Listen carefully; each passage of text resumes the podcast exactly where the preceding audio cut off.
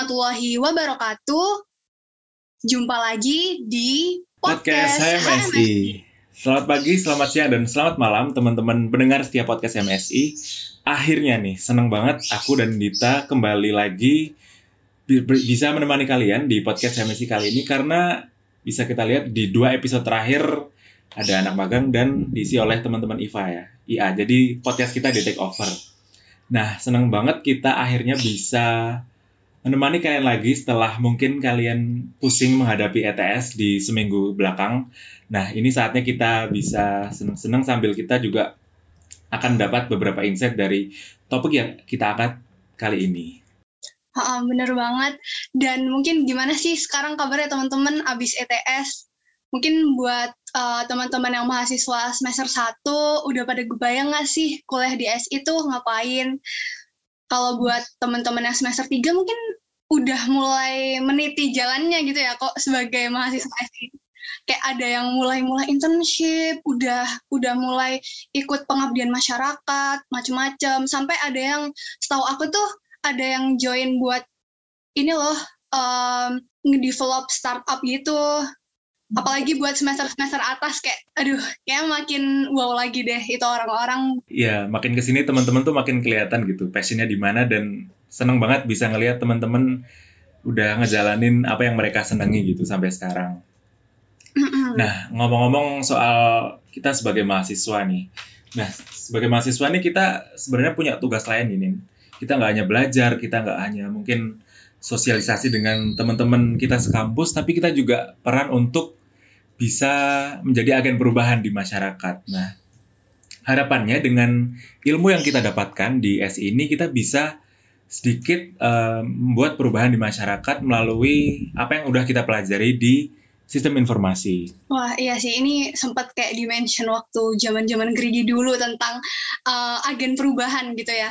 Iya benar. Kalau setahu aku tuh ada sih kok kayak um, salah satu karya ya atau startup nih dari um, alumni sistem informasi. Mungkin teman-teman sistem informasi udah nggak asing lagi dengan kayak riblat gitu kan. Itu uh, salah satu bentuk um, gimana peran mahasiswa itu bisa memberikan perubahan gitu bagi masyarakat. Nah ini salah satunya dengan membuat sebuah startup. Apalagi kan anak SI emang belajarnya base-nya bisnis IT gitu ya. Jadi kayak rasanya tuh kayak nge-live actionin apa yang udah kita pelajari? Ya benar. Bener banget. Nah um, karena kita ya kita bakal um, ngomongin banyak sih tentang startup karena itu deket banget ya sama teman-teman um, mahasiswa sistem informasi. Nah di sini uh, kita bakal banyak ngobrolin ini tapi kurang dong kalau kita yang yang ngobrol berdua Nah, di sini bakal ada uh, Zaldi dan juga Mas Rio um, sebagai CEO dan co-founder dari dua startup bikinan teman-teman mahasiswa sistem informasi, yaitu Digiflux dan Stratek. Mungkin um, kita ucapin dulu ya selamat datang ke Mas Rio dan juga Zaldi. Halo Zaldi dan Mas Rio. Halo, halo Zaldi dan Mas Rio. Halo Nindita, halo Enrico. Halo, halo Zaldi. Halo juga Mas Rio. Uh, senang banget akhirnya podcast MSI rame lagi kedatangan tamu. Nah mungkin Zaldi dan Mas Rio bisa sedikit perkenalan. Mungkin ada teman-teman pendengar yang mungkin belum tahu, tapi kayaknya nggak ada sih karena kacau sih kalau nggak tahu. Ya, siapa gitu yang nggak tahu di Gflux sama Stratek? Ya, Zeldi, silakan. Halo teman-teman, halo Nindita, halo Enrico, dan mungkin teman-teman yang dengerin podcastnya ya. Kenalin, uh, gue Zaldi, uh, mungkin nama panjangnya Muhammad Rizaldi, tapi biasanya teman-teman juga manggilnya Zaldi. Nah, uh, sekarang ini lagi kuliah juga bareng nih sama Nindita, sama Enrico, di sistem informasi itu angkatan 2019 atau mungkin yang sekarang lagi semester 5 kali ya semester 5 dan e, seperti yang udah disebutin juga Nindita tadi e, sama Enrico ya e, aku ini aku lagi ngebangun startup yang namanya DigiFlux. Itu e, influencer marketing platform. Nanti mungkin bisa lah cerita-cerita lagi lebih dalamnya. Gitu ya Nindita sama Enrico mungkin bisa Mas Rio bisa kenalan. Oke, perkenalkan teman-teman semuanya, termasuk yang mendengarkan podcast ini. Saya Rio, ya biasa dipanggil Rio. Nama lengkap Muhammad Rio Ihsan Kamal, mahasiswa Sistem Informasi angkatan 2018 ITS ya, uh, atau dari Valois. Uh, seperti yang disampaikan juga sama Nindita dan Enrico tadi, saya dengan beberapa rekan dari SI, salah satunya Mas Alif Getri dan beberapa rekan dari ITS itu merintis sebuah usaha yaitu Stratek Oke, mungkin langsung tanya-tanya aja ya. Kita kita kepo banget nih buat menggali-gali biar teman-teman pendengar juga apa ya mungkin terpicu semangatnya pengen pengen ngerti juga gimana sih um, dari Mas Rizaldi dan juga Mas Rio. Itu kayak apa ya pasti kan teman-teman bayangnya kayak keren banget ya bisa um, ngedevelop startup gimana sih ngedevelop startup itu susahnya gimana struggle-nya gimana gitu. Tadi ada satu hal yang menarik dari apa yang dikatain Zaldi yaitu DigiVlog adalah platform influencer marketing. Nah, seperti yang kita tahu bahwa sekarang ini lagi zaman banget gitu. Siapa aja mau banget jadi influencer. Nah, mungkin Zaldi bisa diceritakan sedikit idenya itu dari mana sih kok bisa mau gitu menjadikan menjadikan platform buat influencer-influencer ini. Oke, okay, thank you Enrico. Jadi mungkin ini uh, aku coba ini ya, aku coba ceritain gitu ya. Kok bisa sih uh, bisa apa ya uh, sampai terjun di dunia influencer marketing ya. Jadi uh, dulu itu waktu zaman-zaman masih maba kayaknya ya, masih maba itu pada tahun 2019 itu uh, kalau aku tuh kayak ikut ini sih, ikut uh, beberapa acara startup itu sama sama sama cutting gitu, cutting 2000 uh, 2014 gitu ada juga beberapa cutting yang lain 2017 gitu. Jadi kita coba ikut acara startup gitu ya acara startup terus nah kebetulan di situ tuh kita uh, dapat tugas gitu kita dapat tugas kita uh, dapat PR buat ngewawancarain banyak UMKM nah di situ tuh kita terjun langsung gitu terjun langsung kita ngobrol langsung ke teman-teman UMKM di Surabaya uh, yang punya punya produk dan segala macam Nah dari situ aku mulai tertarik nih, wah ternyata uh, di dunia UMKM itu banyak juga masalahnya ya, masalah produk, masalah pemasaran, masalah finance dan segala macam. Itu sih sebenarnya awalnya dari situ. Terus uh, ada ini apa ya? Ada beberapa momentum seperti kayak lomba-lomba. Mungkin kalau di Jeff itu awalnya banyaknya dari lomba-lomba. Dari kalau dari SI itu kan ada biasanya ada ini ya zaman maba itu ada ide karya ya ada ide karya nanti mahasiswa mahasiswa mahasiswa itu di apa ya di encourage gitu ya supaya bikin sebuah karya kebetulan waktu semester 2 itu aku coba dan teman-teman gitu ya aku coba teman-teman uh, bikin di Gflux itu awalnya mungkin dari keresahan sih jadi awalnya dari keresahan kebetulan teman-teman kita juga ada yang ngerintis bisnis fashion tadi kalau aku tadi uh, ngobrol banyak dengan teman-teman UMKM kalau temanku tuh ada yang ngerintis bisnis ada yang fashion ada yang uh, bikin snack-snackan gitu ya. Jadi dari situ kita ngerasain gitu bahwa oh ternyata marketing ini sulit gitu. Apalagi marketingnya berhubungan dengan influencer. Jadi ngeri, uh, bagaimana nge-reach out-nya, gimana ngukur hasilnya, bagaimana prosesnya itu sulit. Jadi selama mungkin udah satu tahun setengah ini kita uh, banyak berbulit di situ sih. Kita masih validasi, kita masih uh, mencari model bisnis dan kita uh, pengen nyesain masalah itu. Jadi teman-teman UMKM harapannya bisa nge ini sih bisa ngepromosiin produknya melalui influencer tuh semudah mungkin pokoknya semudah mungkin, seefektif mungkin, seefisien mungkin. Gitu sih mungkin kalau dari Digiflux. Oke, berarti dari Zaldi dan juga teman-teman itu mulai ikut dari kayak acara-acara startup, dari situ ke Pantik, uh, kayak dapat PR gitu ya istilahnya, terus ya udah deh terjun langsung, uh, terus dapat masalahnya itu ini loh di UMKM tuh sulitnya di bagian marketing dan lahirlah di Gflux kayak gitu ya Zaldi. Betul betul sekali nih Dita. Oke keren banget nih kalau Mas Rio gimana ceritanya awal mula strateg uh, ada tuh gimana sih ide awalnya? Oke sebe sebe sebelumnya sebelum nyeritain ya jadi aku coba mau mengkonfirmasi jadi sebetulnya strategi itu di antara bisa atau tidak bisa ya disebut dengan sebagai startup gitu soalnya biasanya kan startup itu identik dengan innovation driven enterprise ya. Jadi seperti yang tadi Zeldi sampaikan, kalau di Digiflag itu kan uh, menawarkan uh, inovasi berupa solusi bagi influencer gitu. Jadi sudah ada inovasi dan solusinya gitu. Sedangkan dari kami sebetulnya lebih ke project based. Cuman secara bertahap, secara perlahan kami juga uh, pengen punya satu produk gitu uh, yang punya nilai inovasi dan solusi bagi penggunanya. Jadi ya antara bisa nggak bisa sih disebut startup. Oke, awal mulanya dulu itu waktu uh, perkuliahan saya bersama dengan salah satu mahasiswa SI, Mas Muhammad Alif Gadri itu punya ketertarikan untuk memulai atau merintis sebuah bisnis. Nah itu uh, awalnya kami melakukan usaha berupa jualan secara online gitu. Jadi ada sebuah gudang uh, elektronik gitu. Kami jualkan secara online kepada eh, pelanggan-pelanggan dari marketplace gitu. Nah itu berjalan lancar. Kami bersama bertiga gitu dari mahasiswa SI berjalan lancar selama sekitar satu tahun. Kemudian datanglah pandemi. Nah dari pandemi itu usaha kami tidak bisa berjalan karena dulu awal-awal pandemi cukup parah sehingga membuat kami uh, sulit untuk melakukan apa ya operasional uh, usaha sehari-hari gitu. Nah akhirnya uh, kami mencoba untuk mencari peluang baru karena pandemi ini selain menutup uh, peluang juga membuka peluang baru gitu. Nah akhirnya kami menemukan di pandemi ini orang-orang uh, pemilik usaha-usaha dan atau bisnis itu mulai punya kesadaran untuk melakukan digitalisasi terhadap bisnisnya, terhadap usahanya. Nah, kami coba masuk di situ.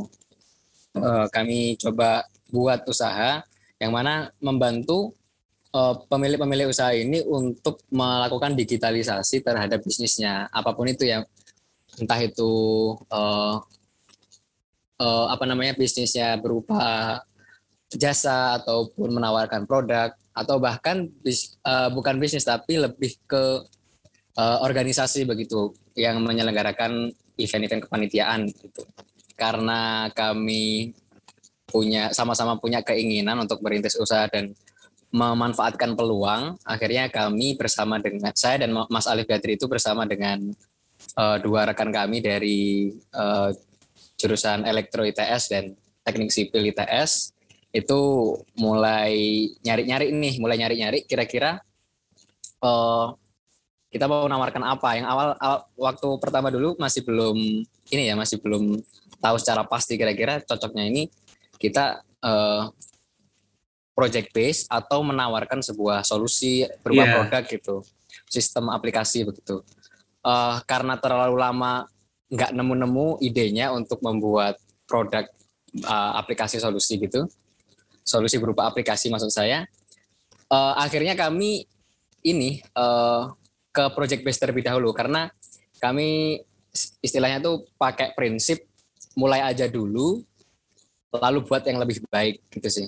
Uh, karena kan ya kalau kata orang-orang tuh berkarya atau merintis usaha itu soal bertumbuh ya. Jadi yang penting mulai dulu. Jadi kami waktu itu mulai uh, dengan project base kita uh, tawarkan jasa-jasa untuk melakukan digitalisasi terhadap usaha maupun kebutuhan-kebutuhan organisasi gitu. Misalkan kalau bagi usaha itu kan uh, biasanya digitalisasi melalui pembuatan website company profile, kemudian uh, materi-materi digital marketing, lalu kalau untuk organisasi bisa dalam bentuk uh, virtual exhibition dan lain sebagainya. Nah itu kita tawarkan dan ternyata uh, demand-nya cukup banyak di tengah pandemi seperti ini, terutama uh, tidak hanya untuk yang usaha ya, tapi juga untuk yang uh, organisasi dan kepanitiaan di daerah kampus. Nah di situ kita kayak nemukan ladang emas gitu.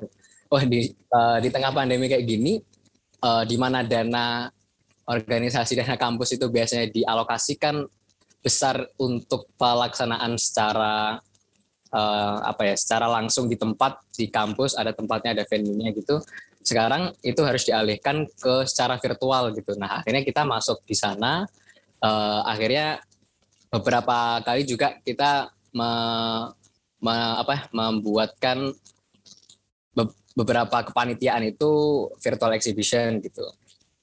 Dan yang di meskipun terlihat ini ya terlihat uh, bagus tapi lika-likunya ya tidak se tidak se, tidak sebagus itu. Kadang ada di atas kadang ketika diimplementasikan itu ada kegagalan dan lain sebagainya. Itu sih. Um, gara-gara pandemi ya kayak banyak startup mulai bermunculan gara-gara pandemi nih.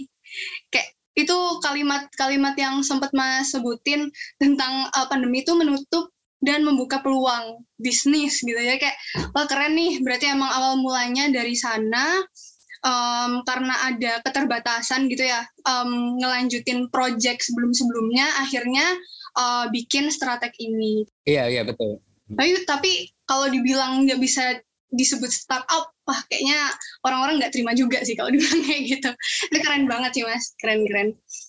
Tadi aku dengar banget jelasannya Mas Rio menarik banget karena Stratek ini uh, basically menghimpun beberapa disiplin ilmu yang dijadikan satu dan bisa jadi produk yang menarik gitu. Jadi ada nilai tersendiri di situ. Nah, seperti yang Mas Rio juga bilang tadi kan uh, di Stratek ini nggak hanya dari SI ya, jadi ada teman-teman dari elektro, terus ada dari sipil juga. Nah, gimana sih uh, cara kerja di Stratek bisa menggabungkan beberapa kepala dengan disiplin ilmu yang berbeda-beda untuk membentuk satu produk yang bervalue gitu. Gimana. Okay. Uh, kalau dari kami itu yang pertama sih yang paling penting tentu mesti terdengar klise ya. Jadi yang pertama yang paling penting itu tentu punya visi yang sama ya, punya keinginan yang sama untuk uh, dalam menjalankan usaha ini gitu. Misalkan dalam membuat sebuah produk kita uh, tentunya harus punya visi yang sama meskipun dari disiplin ilmu yang berbeda. Uh, kami karena kesamaan visi itu, jadi uh, jalannya itu bareng dan sama gitu. Uh, dan dalam perjalanannya itu sebetulnya kalau dari sisi uh, dari sisi sistem informasi sistemnya, aplikasinya, sisi teknis itu lebih banyak memang kepada saya dan Mas Alif Gatri yang backgroundnya dari sistem informasi begitu. Nah tapi untuk yang kebutuhan-kebutuhan bisnis itu dari teman-teman yang dari sipil maupun elektro maupun jurusan lain. Jadi kita uh, bagaimana sistem informasi ini saya dan Mas Alif Gatri ini menerjemahkan kebutuhan-kebutuhan dari uh, disiplin ilmu yang lain misalkan dari uh, tadi teknik sipil konstruksi gitu ya ataupun elektro kemudian diterjemahkan ke dalam uh, bahasa solusi dalam bentuk aplikasi ataupun sistem lalu kita uh, kerjakan bareng tim developer gitu sih. Oke, itu keren banget sih. Gimana gimana caranya uh, berkolaborasi ya uh, antara banyak disiplin ilmu dan akhirnya um, apa ya apa ya bisa bisa satu jalan gitu. Maksudnya uh, walaupun bercabang dari dari orang-orang yang macam-macam gitu ya bisa bisa jalan di uh, jalur yang sama. Kalau dari Zaldi gimana? Mungkin uh, dari Zaldi bisa cerita juga gimana sih lika-likunya uh, di Digiflux itu. Mungkin juga orang-orangnya macem-macem, terus entah entah gimana controlling um, dari SDM ataupun ya segala macamnya lah tetek bunge per Digifluxan gitu. Gimana Zaldi? Mungkin bisa dibagiin ceritanya dikit. Oke, nah kalau dari aku sendiri ya tentunya ya ngebangun bisnis gitu ngebangun startup. Pokoknya kalau kita berbisnis startup itu tentunya uh, pasti nemuin struggle-strugglenya itu ya yang kayak dibilang sama Nindita gitu. Sampai kita bilang ngebangun sebuah bisnis itu kayak uh, lari maraton gitu, bukannya sprint gitu. Kalau sprint kan kita sebentar cepet langsung selesai gitu ya. Tapi kita maraton gitu. Maraton gimana caranya kita ngatur nafas, gimana caranya kita ngatur waktu, ngatur energi bahkan ya itu untuk supaya supaya kita bisa sampai dengan apa yang sudah kita tuju itu. Nah itu tentunya uh, banyak banget gitu uh, apa ya halangan, hambatan segala macam khususnya khususnya itu karena kita masih mahasiswa. Nah gimana caranya kita nge-manage waktu, gimana kalau ada tugas, eh ternyata ada meeting sama klien tapi uh, kita juga ada ujian atau ada kelas. Nah itu kan tuh uh, apa ya uh, ada tantangan-tantangan tersendiri lah dari kita waktu kita ikut program dan segala macam. Nah itu uh, gimana cara ngebagi waktu itu juga cukup tantangan. Tapi mungkin uh, yang aku pengen highlight di sini itu yang menjadi tantangan terbesar itu tetap adalah di SDM sih. Karena tadi kita uh, basically kita adalah mahasiswa. Tentunya teman-teman mahasiswa kita punya prioritasnya masing-masing. Uh, gimana caranya kita nge-convert ya, yang kita mentalnya masih mental mahasiswa, bisa dibilang ya, mental mahasiswa yang biasanya uh, apa ya, uh, pokoknya serabutan, semuanya mau diambil aja gitu ya. Kita ubah jadi kayak mentalnya tuh jadi profesional. Gimana caranya kita uh, learning gitu. Intinya learning sih di sini ya. Learning jadi lebih profesional, gimana caranya kita tanggung jawab dengan apa yang udah kita kerjain dan gimana caranya kita ngasih yang terbaik lah buat uh, customer atau kliennya kita gitu sih. Mungkin uh, emang uh, suatu saat kayak uh, kita kayak down gitu ya semangatnya turun waduh kok gini ya kok apa yang udah kita bikin nggak sesuai gitu ya karena di startup kan tentunya kita validasi terus nih kita uh, buat hipotesis terus gitu. Oh ternyata gini. Oh ternyata waktu kita sampai kemarin oh nggak ada yang beli. Oh kita ganti lagi produknya. Oh kita ubah lagi. Oh ternyata gini ya. Oh segala macam itu naik turun banget gitu. Cuman ya mungkin tadi katanya Mas uh, Rio juga setuju banget uh, karena adanya visi itu mungkin agak sedikit klise tapi uh, tentunya yang bisa bikin kita lebih tetap jalan itu tetap visinya itu gitu Gitu sih, Nindita. Oke, okay, berarti ya. emang cita-cita bersama itu penting banget ya, Zaldi. Betul, betul banget. Tanpa itu kita mungkin ya mungkin ya sampai sekarang gitu. Oh, keren-keren. Berarti uh, tadi tuh uh, yang uh, disebutin tentang uh, apa ya? Uh, mengubah mental.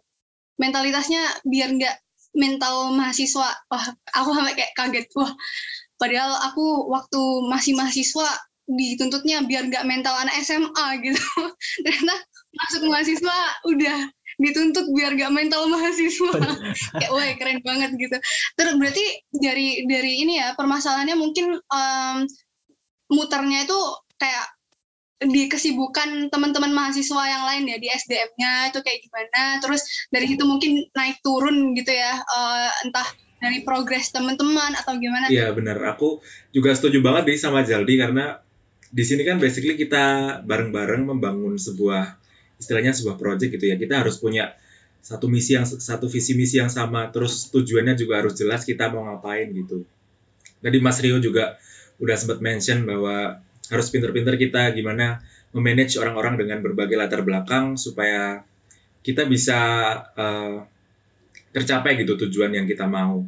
Nah, tadi juga Zaldi sempat mention bahwa Digiflag ini uh, basically dulunya itu bermula dari misal ikut-ikut lomba gitu kan jadi diinisiasi lewat itu Mas Ro juga juga tadi sempat mention itu nah sering kali uh, banyak kasus-kasus di sekitar aku aja nih ya. Uh, dari kita tuh dari awal semangat banget gitu.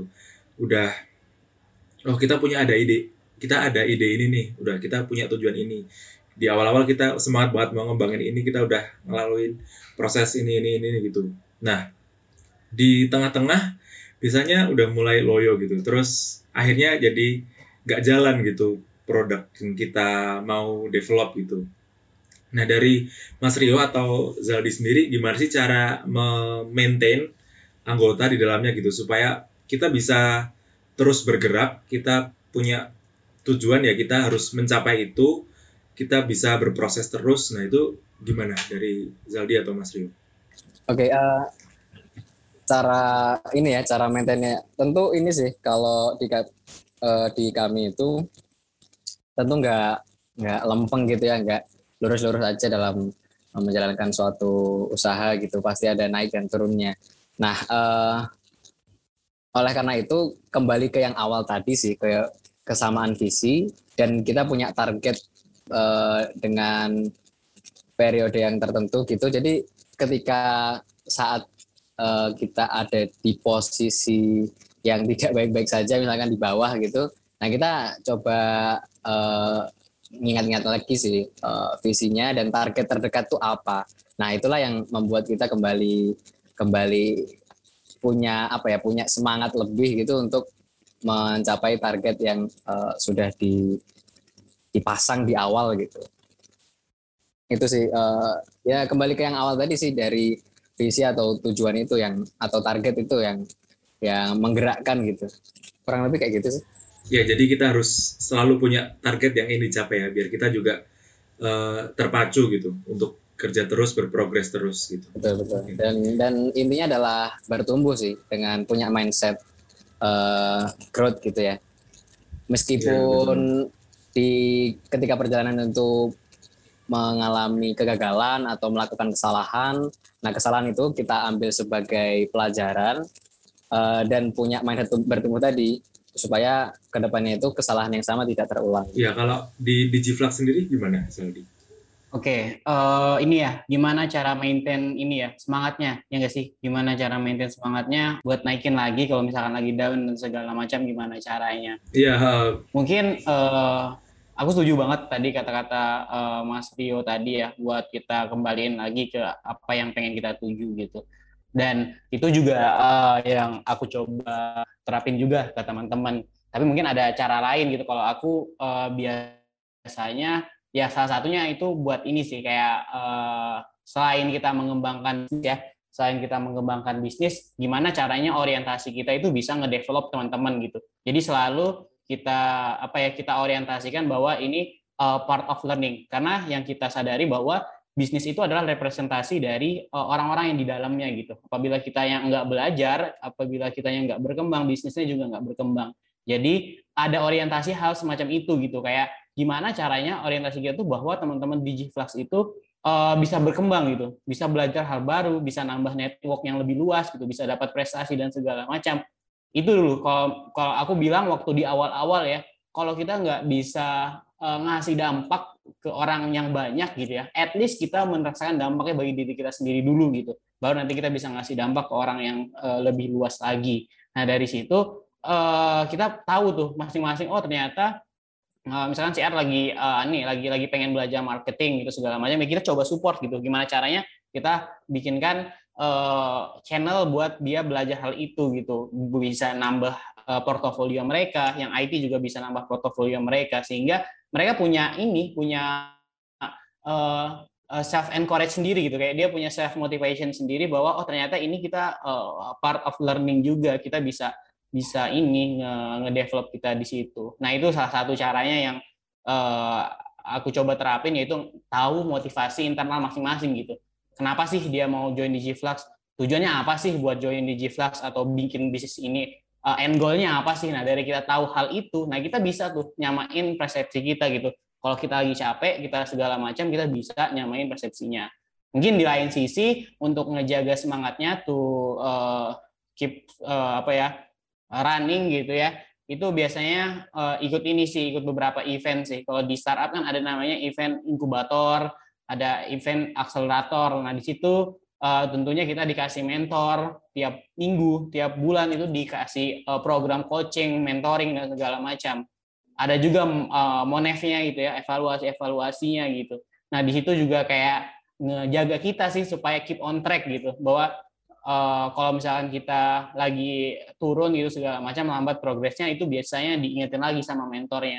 Itu juga salah satu caranya buat uh, kita keep running juga ada mentor, ada lingkungan yang bisa support kita ngejalin bisnis gitu sih. Hmm, oke, okay. itu keren. Uh, apa ya mungkin dari sini kayak teman-teman yang dengerin kayak jadi aduh, aduh, ternyata susah banget ya uh, nge-develop startup itu nggak segampang yang uh, dikira gitu. Kayak ngebayanginnya, wah aku pengen kayak gini, kayak rasanya kayak gampang gitu dilihatnya mungkin. Tapi mungkin setelah dengerin uh, Zaldi sama Rio oh ternyata uh, ada banyak yang harus dilaluin ada banyak yang apa ya menghadang dan ya perlu diterjang ya gitu. Tapi ya pasti adalah sisi-sisi yang bikin uh, teman-teman itu bikin balik semangat lagi bikin uh, ya mau lah berjuang lagi gitu ya buat teman-teman mahasiswa yang sebenarnya pengen bikin startup tapi masih ragu-ragu boleh deh dari uh, Mas Rio sama Jaldi buat nge-encourage ngasih lah kalimat-kalimat yang apa ya bikin mereka semangat gitu sebagai penutup podcast. Oke mungkin dari aku dulu ya kalau dari aku sih uh, apa pun yang teman-teman pendengar ini ingin lakukan entah itu merintis sebuah startup ataupun uh, mau mulai untuk uh, membuat sebuah karya gitu ya. Uh, kalau dari saya sih um, daripada nggak mulai-mulai, intinya sih ya mulai dulu aja gitu. Lalu uh, ketika nanti sudah mulai, nanti baru buat yang uh, lebih baik gitu. Karena seperti yang tadi sudah saya sampaikan, merintis sebuah usaha atau membuat sebuah karya itu adalah soal uh, bertumbuh gitu. Jadi uh, nikmati prosesnya dan ya dalam proses itu ya bertumbuh itu. Itu kurang lebih. Mantap. Hashtag mulai aja dulu. mulai aja dulu. Ijo-ijo. Ijo-ijo. Kalau dari Zaldi gimana Zaldi? Oke, okay, uh, eh, ini uh, nge-encourage teman-teman buat uh, bikin startup ya. Mungkin kalau dari aku sendiri ya, uh, itu kata-katanya mungkin bisa diubah dulu gitu. Bukan kitanya bikin startup, mungkin startup itu hasilnya nanti. Cuman gimana caranya uh, kita tuh nyelesain masalah. Karena basically kita bikin startup itu buat uh, solving problem gitu. Jangan sampai kita uh, bikin startup cuman buat kerenan doang. Mungkin di awal kita bakalan ini sih bakalan bias gitu. Wah, ternyata keren ya bikin startup ya jadi CEO ya segala macam gitu. Ternyata lebih dari itu, teman-teman. Di prosesnya kita bakalan ketemu nih banyak masalah dan segala macam. Jadi kalau dari aku bisa dilurusin lagi niatnya bahwa kita bikin bisnis, bikin startup itu bikin ngebantu banyak orang gitu ya. Nyelesain apa nyelesain masalah-masalah orang uh, yang banyak gitu. Asalkan orientasinya aja udah benar seperti itu, insya Allah nanti uh, di prosesnya pun kita bakalan uh, bisa keep struggling gitu. Karena kalau misalkan orientasi kita pengen bikin startup, pengen dilihat keren dan segala macam, itu aku yakin itu mungkin akan uh, kandas di seiring berjalannya waktu karena tidak mempunyai apa ya istilahnya ya semangatnya semangat uh, yang dangkal gitu ya. Mungkin itu kita bisa belajar sama-sama. Itu mungkin uh, nasihat buat diriku sendiri juga. Nah kalau misalkan buat teman-teman yang lagi ngebangun startup ya yang sekarang lagi down dan segala macam itu uh, uh, keep struggling ya teman-teman ya. Karena uh, perjalanan tadi aku bilang itu maraton gitu. Sukses uh, gagal itu it doesn't matter gitu ya. Gagal pun nggak apa-apa. Aku mungkin kalau misalkan uh, besok gagal atau lusa gagal gitu ya itu uh, mungkin uh, bakalan coba lagi coba lagi gitu ya. Karena uh, di situlah seninya gitu bikin startup gitu. Nggak bisa bakalan langsung sukses gitu. Kita menyadari hal itu gitu. Karena kita perlu skill kita bisa uh, apa bisa ngembangkan startup. Perlu skill dan juga network. Gitu sih. Terakhir mungkin dari aku uh, ini sih. Karena ide itu murahan mungkin kata-kata Mas Rio tadi juga ngena bahwa ya udah jalanin aja dulu gitu ya. Masalah hasilnya nggak usah dipikirin lah. Gitu aja sih kita kalau dari aku ya. Oke mantep mantep.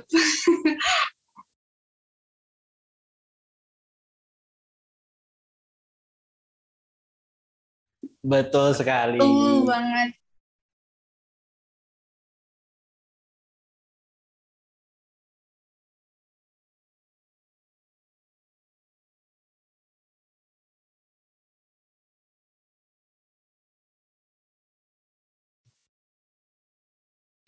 Semangat buat teman-teman yang mau um, nge-develop startup uh, dan buat teman-teman yang lagi develop dan struggling di sana, keep it up. Dan jangan lupa teman-teman dengerin podcast-podcast lainnya juga melalui anchor.fm slash hmsi-its dan Spotify di